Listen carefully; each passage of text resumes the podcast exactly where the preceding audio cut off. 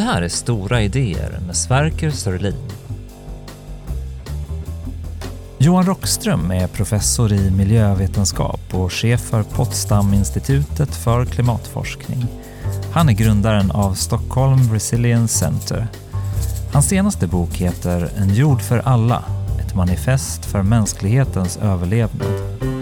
Vad vi ser idag vetenskapligt, nämligen att vi håller på att knäcka planeten, kräver förvaltning av hela planeten, vilket kräver mera styrning av planeten, vilket alltså kräver mera top-down förvaltning.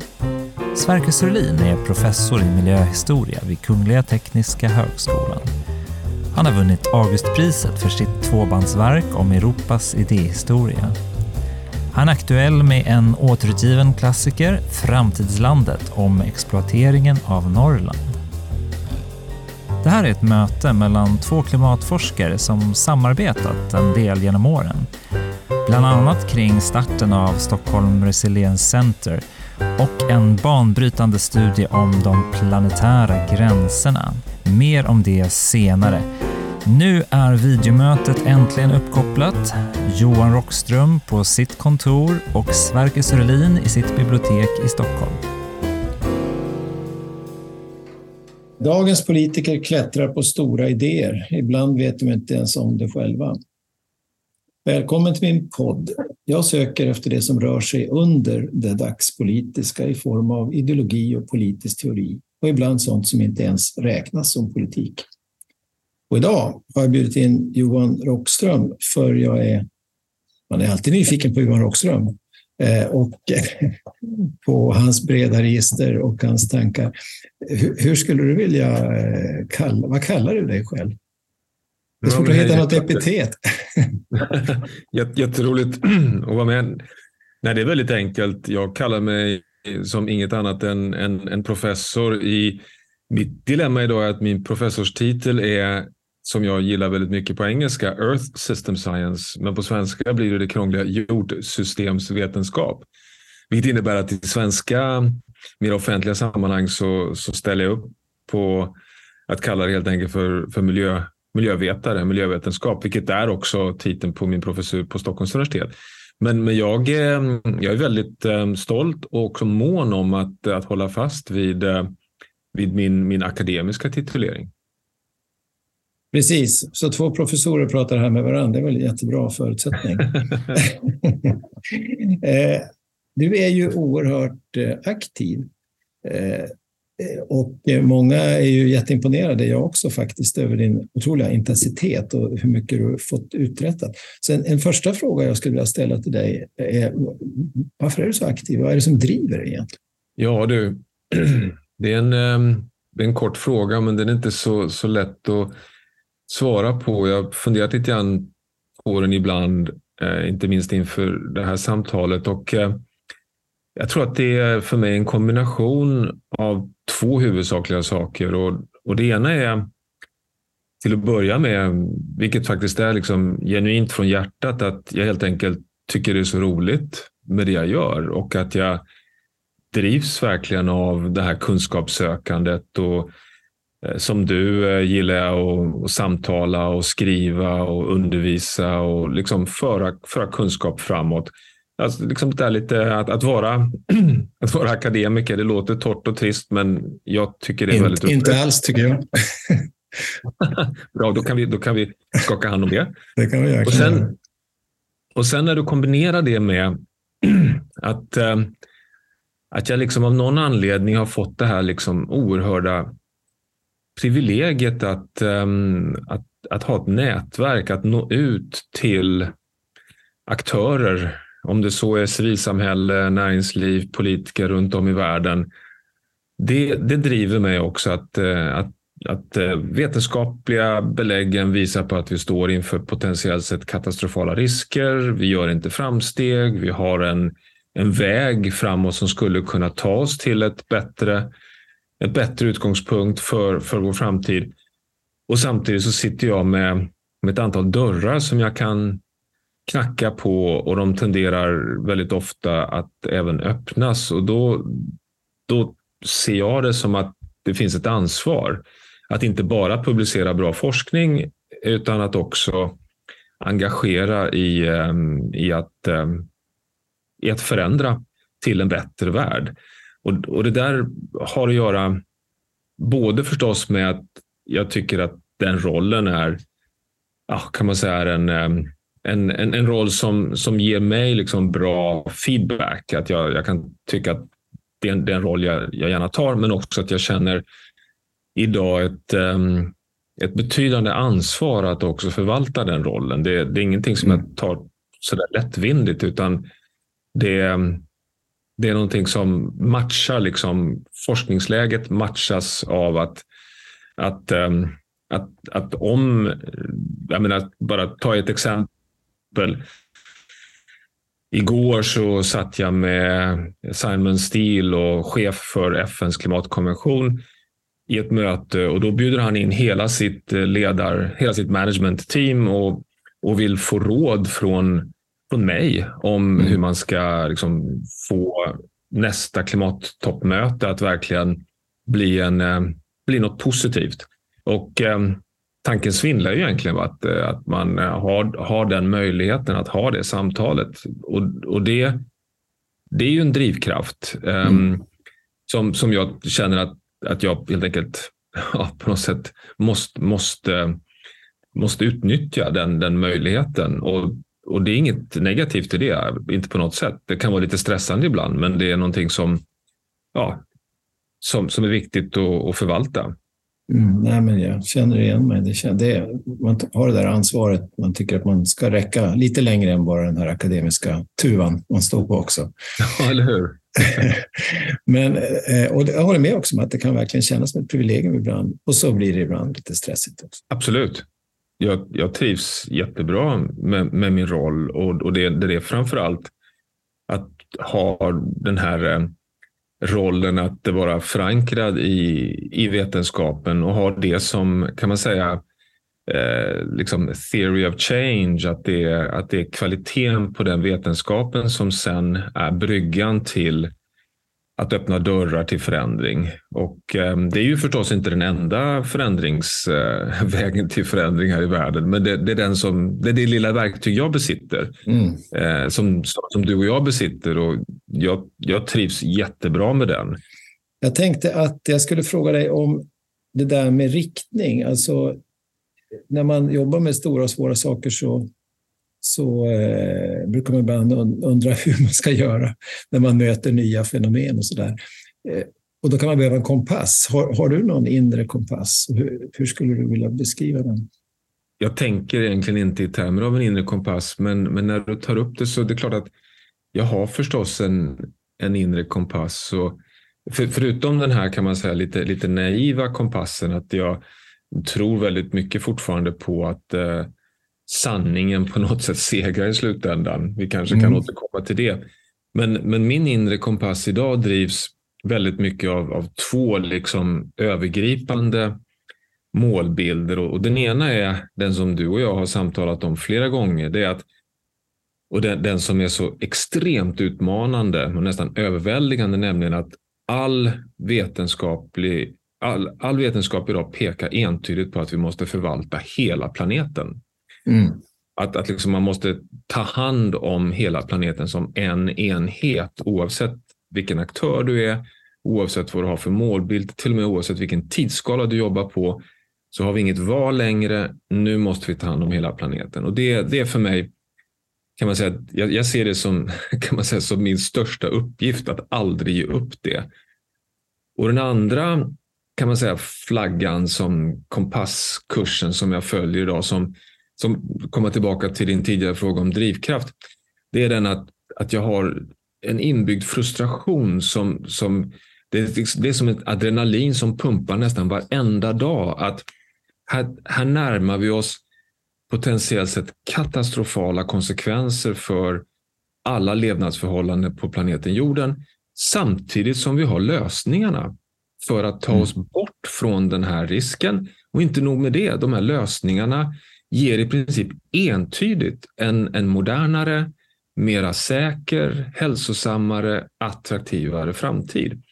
Och det där, alltså att, att hållbarhet nu, sen bara kanske fem tio år, eh, är liksom narrativet för den moderna, attraktivare framtiden. Det där ser jag som, kan man säga, liksom trum, det här trumslaget som mm. jag nästan väcks av varenda dag av att där har vi det. Liksom. Det, det är klangbotten på, det är liksom den, that's the tune. Mm. Och, um, och Man kan ju tycka att den borde vara liksom självklar, men den är ju inte det. Det är det som är så frustrerande, att den inte är det. Och det, det, det, det ser jag som en, en viktig kompasskurs i mycket av det som, som jag ägnar mig åt. Blir man inte lite frustrerad då när, när det verkar så klart? Vetenskapen är på något sätt ganska klar. Den är naturligtvis aldrig färdig, men den är tillräckligt klar för att vi ska se det där som möjligt och eh, mm. uppnåeligt. Liksom. Och dessutom, att, det vet ju du och jag, attraktivt för alla i stort sett. Ja. Varför gör vi det då Och då, då, kommer man in på de här, vad som ligger med. Och, och, och, den framtidsbilden är också attraktiv. Varför går det då inte lättare att komma dit? Varför hänger inte fler på? Mm. Jag gissar att det är en fråga du har ställt dig ibland.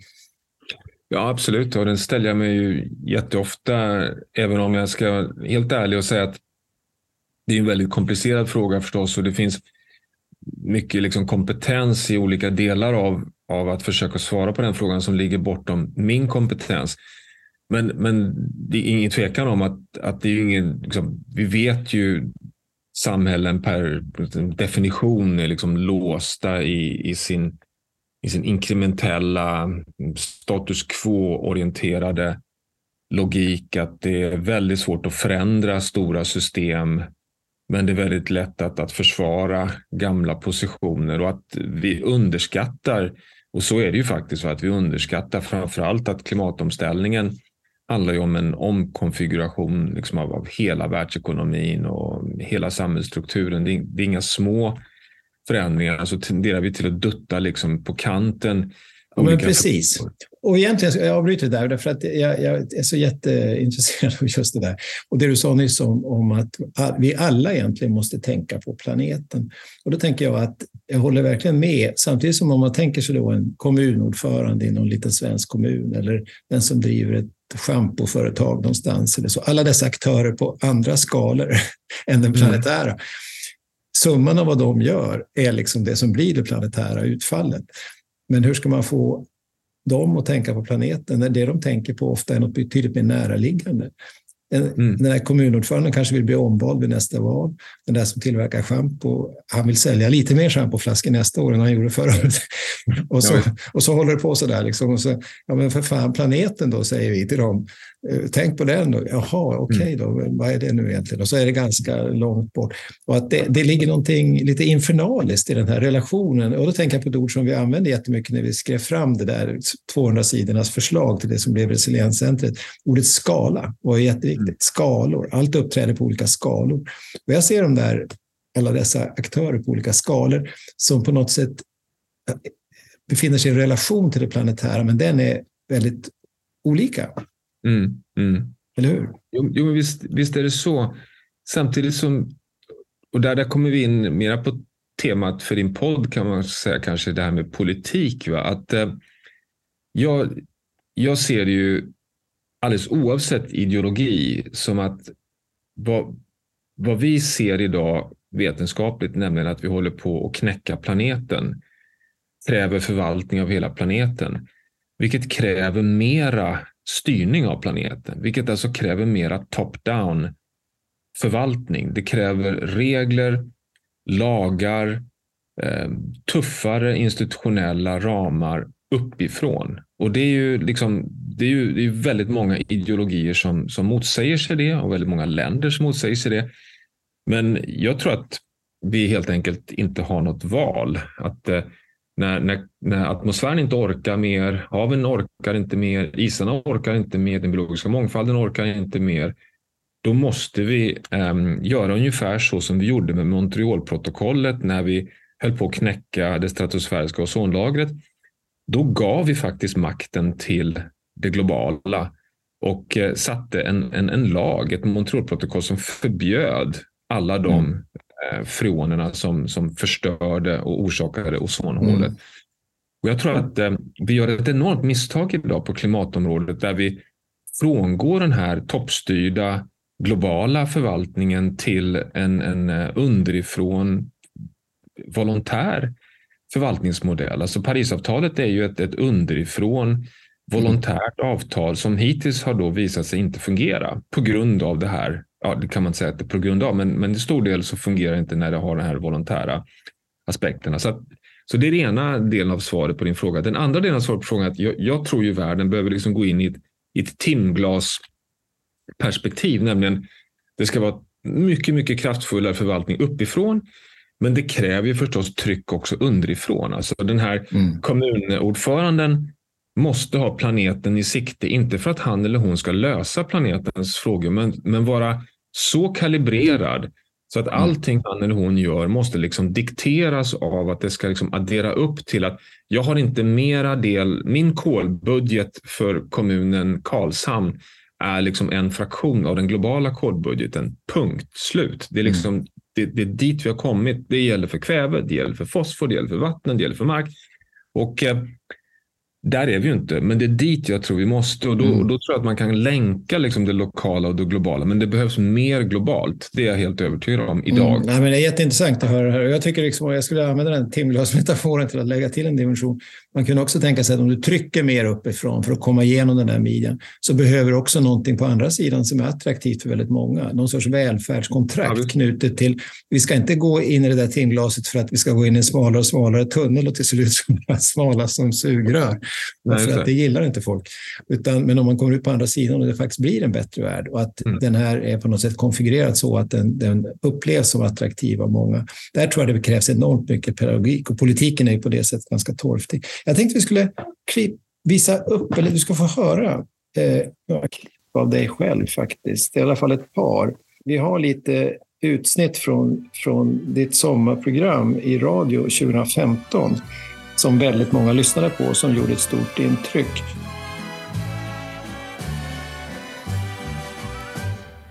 En hållbar framtid är modern, laddad med den senaste teknologin. Den är häftigare, mer demokratisk, renare, mera jämlik och det är en hälsosammare framtid. När världens ledare samlas i Davos varje år är det inte bensinslukande suvar som ställs ut utan det är de coolaste, nyaste elbilarna och den absolut senaste bränslecellsteknologin. För en månad sedan kliver Saudiarabiens chefförhandlare upp i talarstolen på klimatförhandlingarna och proklamerar att när han ser energi regna ner från himlen på hans huvud så är det ett tydligt tecken på att oljeeran går mot sitt slut. Saudiarabien, världens bromskloss nummer ett i klimatförhandlingarna, hyllar solenergin. När du hör det där, eh, speciellt det där om Saudiarabien, vad, vad tänker du nu?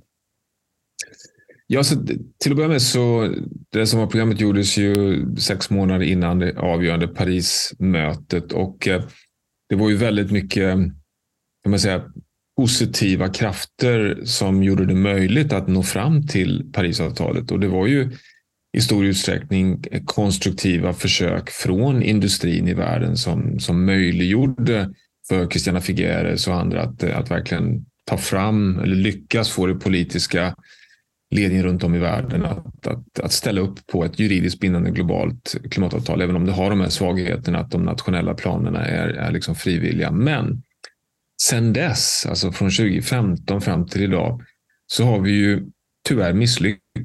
Alltså vi ser inte det som krävdes, nämligen att eh, den globala utsläppskurvan skulle böja senast 2020 och att vi ska börja röra oss eh, mot fossilfrihet bara över de kommande 30 åren runt 2050. Och ehm, det inkluderar ju sådana stora oljebolag som Saudi Aramco som, som uttalade sig eh, väldigt ehm, tydligt och klart i, i, kan man säga, i, i stegen före Parisavtalet. Men som sen i takt med ökad turbulens och den geopolitiska osäkerheten i världen och att vi rör oss in i ett eh, nytt eh, kallt krigformat i världen har, har liksom bromsat ner takten av omställning eller, eller gått in i vad man har ägnat sig åt ganska länge, nämligen ett dubbelspel.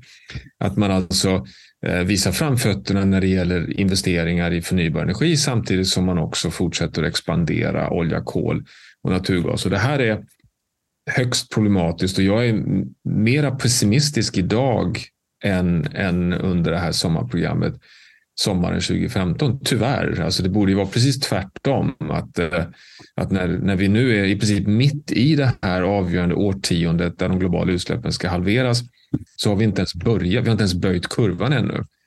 Så det, så det finns ju verkligen skäl till att vara faktiskt mer pessimistisk idag än, än då. Jag håller verkligen med. Och, och, och jag, det var väl också så precis i det där momentet nästan när du höll det där sommarpratet att det var en liten utplaning i kurvan. Så var det. Kort moment i alla fall som såg ut att peka åt rätt håll. Men det blev inte riktigt så. Då tänker jag att eh, en sak man, man tänker på då är ju känslor. Alltså mm. frustration, man kan känna sig otillräcklig själv, man kan också känna ilska. Jag tycker jag gör det ibland. Ibland blir jag liksom mer upprörd eh, än annars. Och, och hur, hur, hanterar du? För det första, upplever du känslomässigt liksom de här motgångarna som kommer också? Nej, men jag, jag, jag känner en konstant känsla av, av, eh, av frustration och besvikelse och, och framförallt de senaste två, tre åren har varit eh, väldigt motiga på grund av att de, de, inte bara de vetenskapliga framstegen, men också vad vi observerar i den verkliga världen med torkor, översvämningar och bränder och värmeböljor och extrema stormar. Och liksom man, man känner att herregud, poletten måste väl för ända in i helsike falla på plats. Och lik förbaskat så gör den inte det. Och, eh, så det är, en, det är en konstant frustration och hur jag, hur jag hanterar det, det är precis som du, att jag, det, det, det växlar bara över till, till mera ilska och adrenalin som, som driver mig ännu kraftigare framåt faktiskt. Jag ser ingen annan väg än att bara eh, liksom, det, det kanske är en liten personlighetsdrag jag har också, att jag reagerar ganska starkt på orättvisor rent allmänt och eh, tar hellre, hellre strid än att eh, gömma mig under en sten. Det är, det, det är snarare en drivkraft att, eh, att, att, att knuffa det här. Ju, ju, ju, långsammare omställningen går, ju mer kommer jag slita för att eh, nå fram. Och, eh, och så har det varit sedan 2015 och jag, jag ser inte annat än att det kommer att fortsätta och, ehm, och vi ser ju tyvärr inte att, att vi... Liksom, eller jag ska säga så här. Och det är en fråga tillbaka till dig i, i, i någon mening. Jag är övertygad om att vi har rundat ett hörn. Ehm, det vill säga att, att liksom hållbarhetsfrågorna har positionerat sig mycket mera där vi vill ha dem liksom som vägen till en framgångsrik modern framtid. Att vi, har, att vi är i början på slutet av den fossila eran. Det, det, det hörnet tror jag att vi redan har rundat. Problemet är inte om vi kommer att och, liksom landa någonstans i en fossilfri, hållbarare framtid som är mer cirkulär. Problemet är att kommer vi, kommer vi göra det snabbt nog? Alltså att vi, vi gör det alldeles för långsamt. Vi är liksom på en, på en hundraårsresa snarare än en tioårsresa. Och, och det där är liksom, hur ska, vi, hur ska man lyckas accelerera? Det är som jag ser den stora frågan. Jag svarar gärna och kort att jag håller med. Det ser ut som en hundraårsresa nu. Jag tror att av rent, ska vi säga, nästan termodynamiska skäl att vi kommer inte att kunna stanna kvar i den här ordningen som vi har nu. Men frågan är hur det går till, alltså hur mycket konflikt och spänningar som riskerar att uppstå på vägen dit. Därför att inte bara Saudiarabien utan många andra lever ganska flott på den nuvarande ordningen och vill inte lämna den ju, ju, bättre det går i utvecklingsländerna, desto större är risken att de går ganska långt in i en fossil period innan de klarar av en mer total transformation. Och det är miljarder människor som dessutom har rätt till, till ökning av sitt välstånd. Så att det är liksom en djävulsk ekvation egentligen. Samtidigt som vi på pappret så har vi en lösning. Om alla bollarna trillar in som du och jag spelar och många andra så mm. skulle det gå. Men det är liksom en teoretisk modell. Och, och då tänker jag att den här, för, för, att komma bort från den teoretiska modellen, då funderar man på på något, någonting som du har pratat en del om på senare år, nämligen systemkritiska perspektiv och sådär.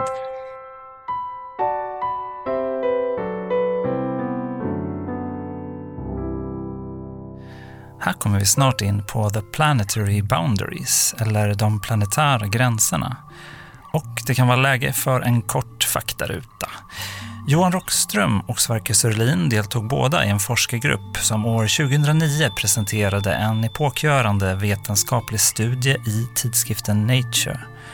Vad reglerar egentligen de stabila förutsättningarna för mänskliga samhällen på jorden?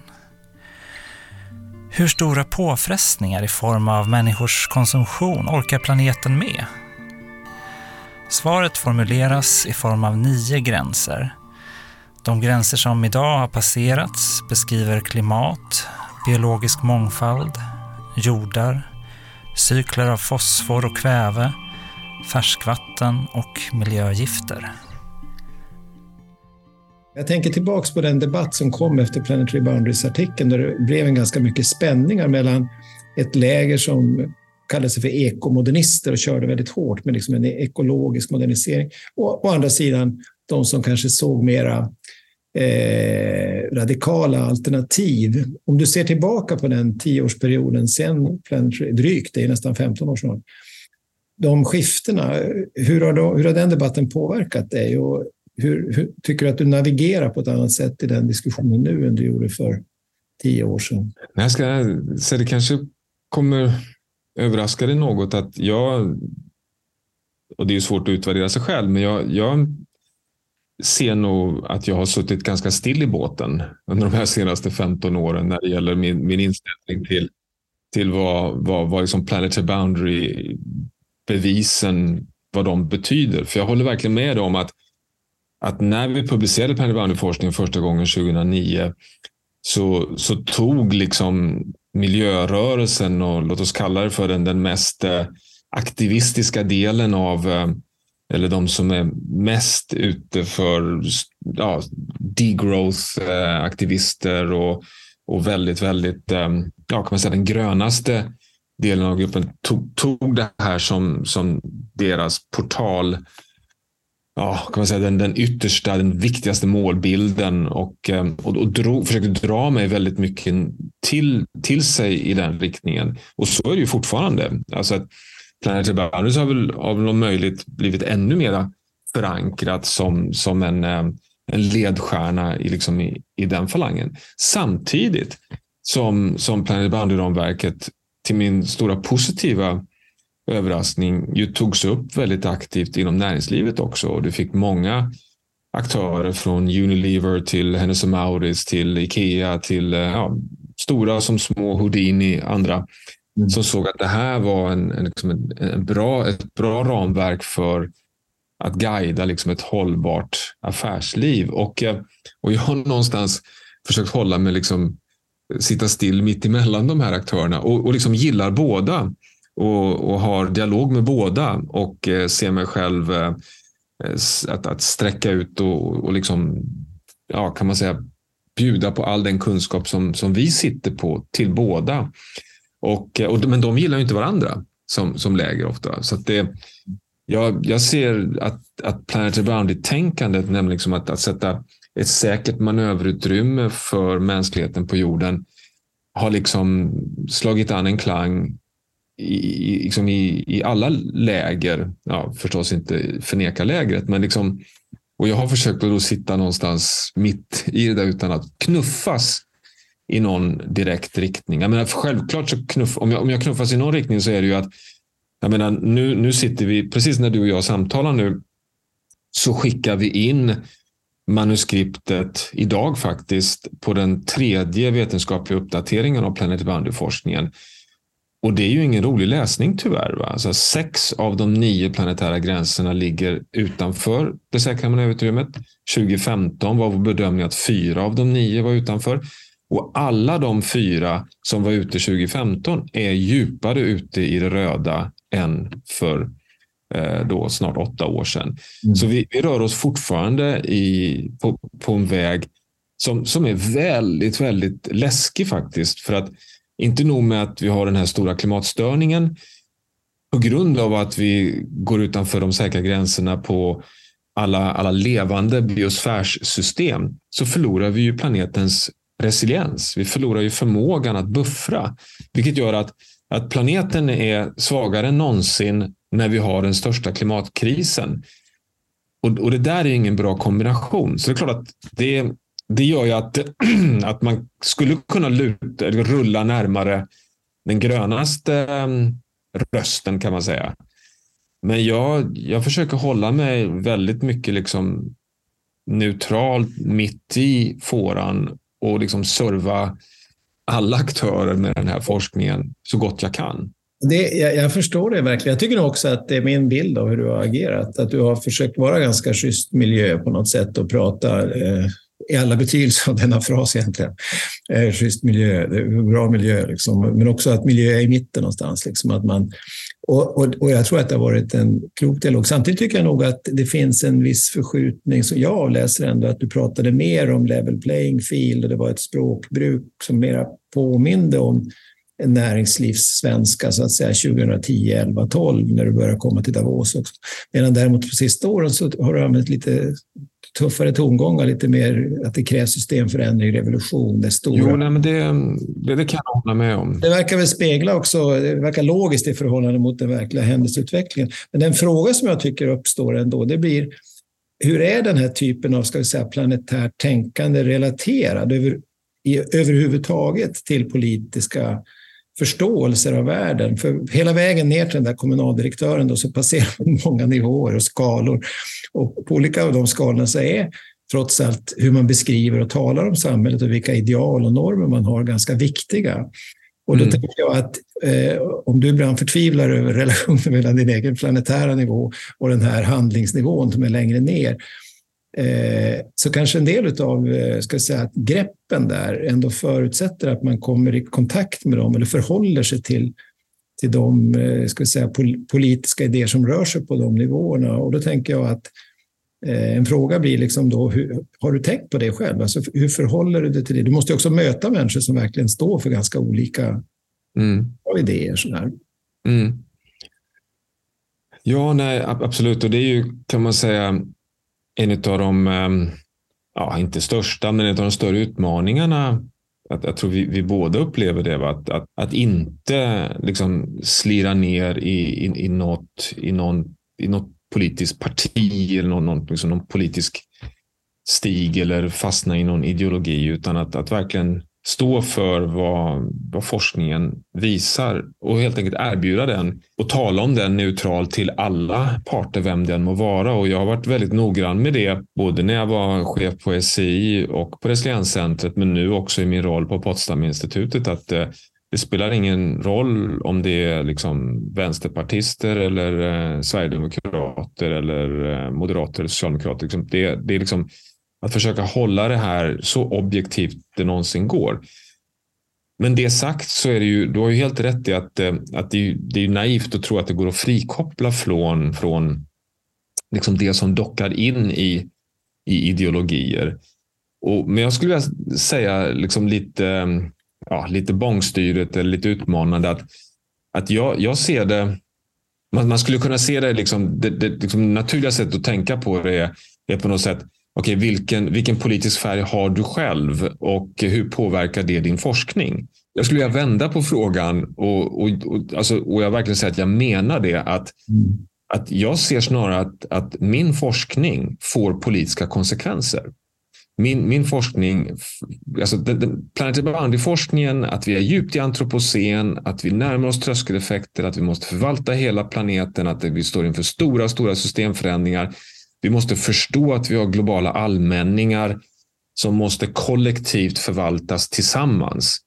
Mm. Annars har vi ingen chans att klara av vår framtid alldeles oavsett om du är en, en, en ultranationalist eller en marknadsliberal eller en kollektiv eh, liksom, ja, offentlig sektor. Just det där när du säger det där, så det låter nästan som ett politiskt språk. Jo, men det är klart att det, det, det är politiska termer. Men att det har liksom den, eh, de kvaliteterna. Forskningen som ledet sätter press på ideologierna snarare än tvärtom. Alltså att, mm. att, eh, och och då, då tror jag att um, vissa ideologier passar, passar bättre eller har större förutsättningar att faktiskt hantera eller lösa de problemen som Planetary Boundary-forskningen för fram? Jag tänker så här till exempel att den forskningen som du och andra, eller vi kan säga, bedriver då från olika utgångspunkter, den är transformativ. Alltså den, den förändrar på en massa olika skalor just. Mm. Den, den totalt förändrar förståelsen av vilken jord vi lever på. Den håller på att förändra för, förståelsen av den historia vi också lever i och med och skapar. Mm. Den förändrar bilden av människan. Och, och, och earth, jag brukar prata om human earth-relationen snarare än att separera dem. Vi har en relation. Det förändras. Och det kommer att påverka, det påverkar redan det politiska tänkandet, som, precis som du är inne på. Och då tänker jag att det kanske finns i den där påverkan så finns det större eller mindre mottagningsförmåga hos mm. existerande ideologier eller religioner eller vad det nu är frågan om för något tankesystem. Och att det där inte är helt slumpartat, utan att det finns några som, som är mer engagerade i att ta den här typen av idéer på allvar och andra som, som inte är det. Det är inte jätteenkelt det där. Jag tror att det, vi, vi vet heller inte det på något entydigt sätt. Det kommer att visa sig så att säga. Mm. Men jag tycker det är en väldigt intressant process och jag tror att det här tillhör den typ av idéer som kommer att få väldigt stor politisk betydelse under detta århundrade. ännu mm. inte har fått det riktigt i den skala som de förtjänar kanske, men, mm. men ändå. Mm. Nej, men jag, jag håller med dig och, och det är ju faktiskt en fråga. Va?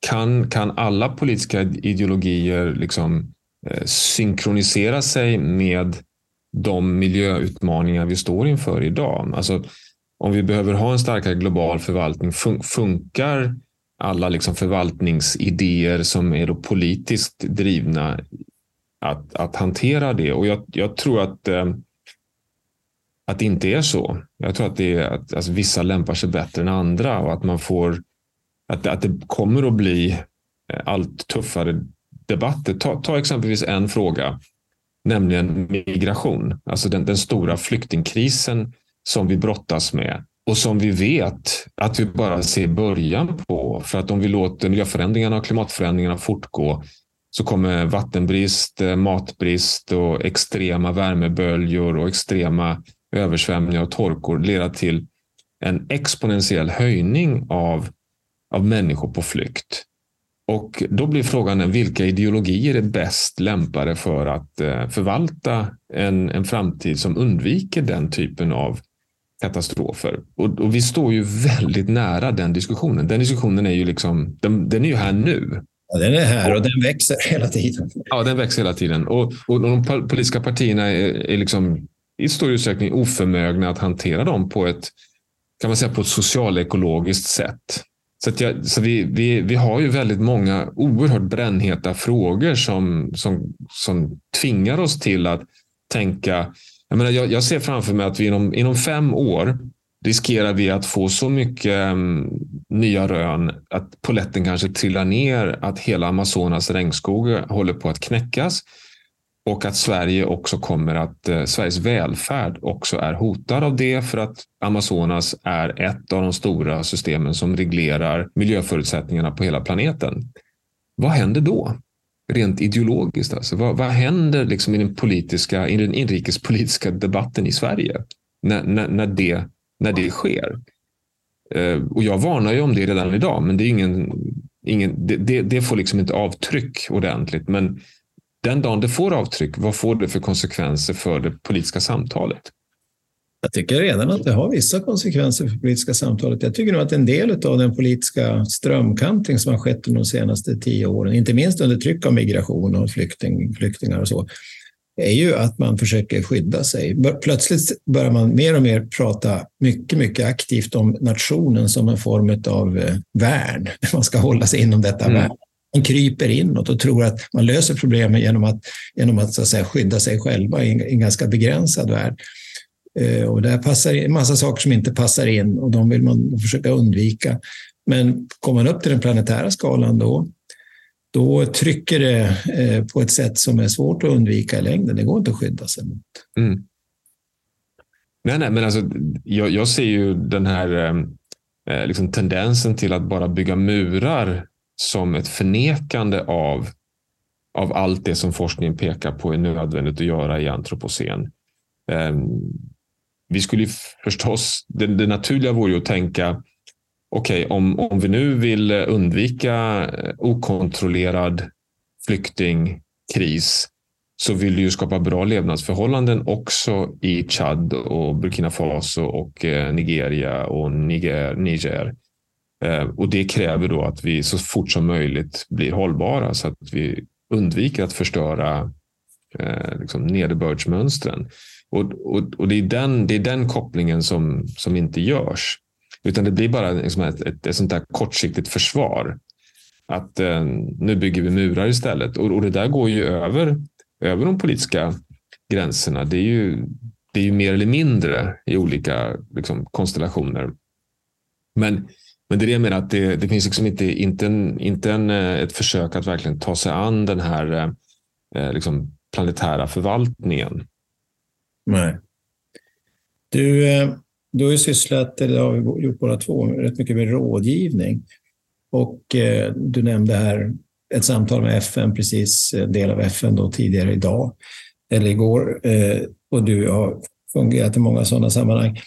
Jag tänkte på en sak som jag alltid varit nyfiken på. Eh, hur, hur, hur du tänker på, på, det, på de samtalen. Du har många sanningar att säga från vetenskapens horisont. Men samtidigt vill du få effekter, gissar jag, när du är där. Du, så hur, hur, gör du när du väljer vad du ska säga? Hur, hur ser liksom balansen mellan sanning och inflytande ut? Eller liksom vetenskapliga, vetenskaplighet och inflytande? Är den, alltid, är den lätt att ta, tycker du alltid?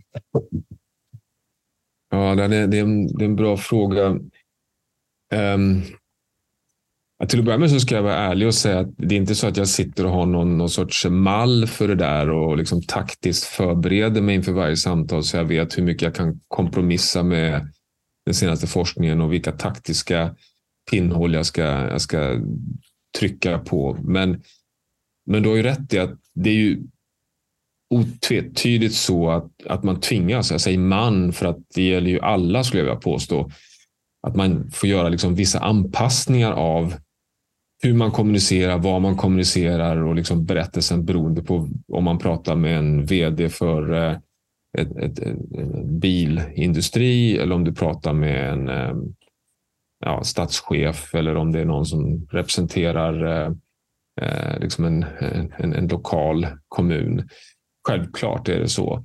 Men eh, jag, eh, alltså jag, jag sitter inte och har liksom en, eh, någon sorts aktionsagenda varje gång jag går in i den här typen av samtal. Utan, utan det är snarare så att, eh, att, att jag går in med den senaste, de senaste rönen som, som jag sitter på. Eh, ofta idag när det gäller klimat eh, i första hand eftersom jag ju sitter liksom på ett klimatforskningsinstitut.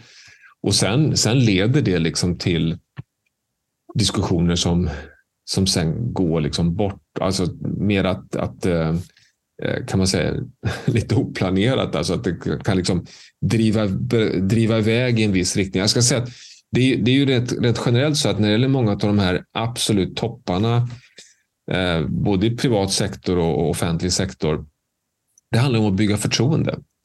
Det handlar inte i första hand att, liksom, att, att spika in liksom, action point 1 eller, eller någon sorts eh, lösning eh, i, i det första samtalet. Det handlar om att bygga förtroende och, och komma till en punkt där man kan eh, liksom föra lite mer långsiktiga strategiska samtal. Och eh, det där eh, får man hantera i min erfarenhet ganska försiktigt. Va? Att, eh, att det handlar om att eh, lyssna, det handlar om att eh, eh, försöka komma ja, helt enkelt slå, slå bryggor ut, utan, att, eh, utan att kompromissa sin egen. Det är ju ett, ett kan man säga, ett, ett, ett rött streck i sanden som jag har, nämligen att eh, jag kan, jag kan ju inte gå in i ett, i ett samtal med ta chefen på Saudi Aramco om jag skulle ha ett samtal med honom och sen plötsligt då säga det att nej, men en och en halv grad är ju inga problem längre för nu samtalar jag plötsligt med någon som inte vill höra det.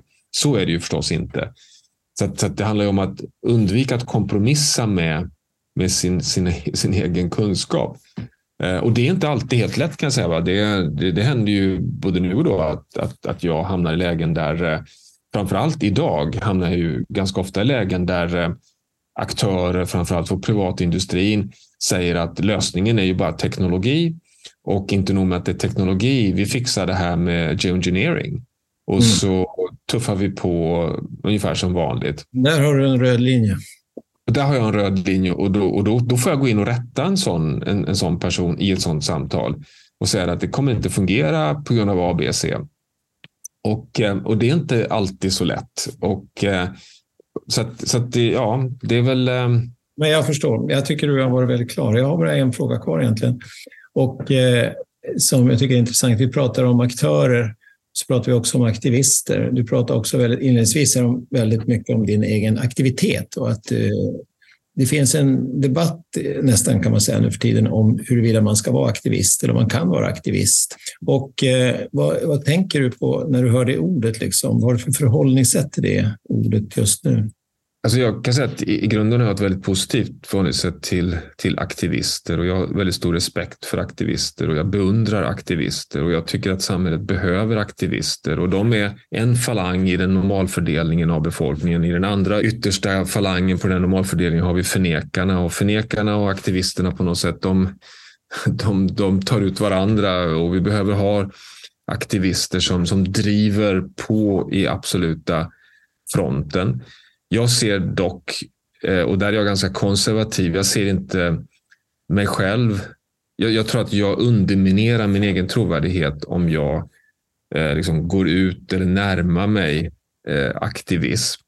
Så att jag, jag har många forskarkollegor idag som det talas ju som du vet väldigt aktivt om om det inte är så att vi klimatforskare, givet alla de bevis vi sitter på idag, måste bli aktivister Eh, och, och, mitt svar är nej. Jag tycker inte vi ska vara aktivister. Olika personer, olika grupper har olika roller och vi akademiker, vi klimatforskare, vi har en roll och det är att vara trovärdiga förmedlare av, av kunskap. Och det gör vi bäst genom att inte vara aktivister. För så fort vi blir aktivister så, så misstänkliggörs vi och får mindre inflytande. Och då får andra personer vara mottagare av kunskapen från de här lite tråkigare objektiva forskarna och vara aktivister. Och, och, och, aktivister och forskare kan gärna hålla, hålla varandra i hand ibland. Jag har hållit Gret, Greta Thunbergs hand. Eh, så att det, det har jag absolut inga problem med. Men, men jag är noggrann med att inte stå med banderoller på barrikaderna. Så att jag tror att jag har större inflytande om man kan lita på eh, att, den, den, att det ursprung av det jag säger kommer från en eh, kom, kommer från en plattform som, som är styrd enbart av peer review, alltså den är enbart styrd av akademiska kvalitets, den kvalitetssäkringen är vetenskaplig. Och sen så, det är självklart så Sverker att som du förstår, idag sitter jag ju liksom i, i den konservativa akademins högborg, nämligen i Tyskland. Mm. Och, och där är det då än, ännu mera så att, eh, att, att man verkligen värderar den oberoende vetenskapliga institutionen och rösten hos akademikern. Och jag, jag... Ja, men jag förstår det. Jag, och jag tycker att det är intressant att det ändå är ganska många forskare nu som inte nöjer sig med de tycker att liksom läget är så kritiskt och allvarligt att man måste Absolut. Dessutom tycker jag faktiskt själv att du är ganska aktivistisk. Jag kanske inte skulle kalla dig en aktivist, eller, men jag tycker du är väldigt aktivistisk. Du har som en aktivistisk stil och en aktivistisk program. Och jag tycker att om man jämför med aktörer, sådana här lite anonyma stora institutioner och så där, så finns det liksom i din person, din persona liksom ett element av aktivism som en intensitet och en, liksom, vissa personer som pekar i den riktningen.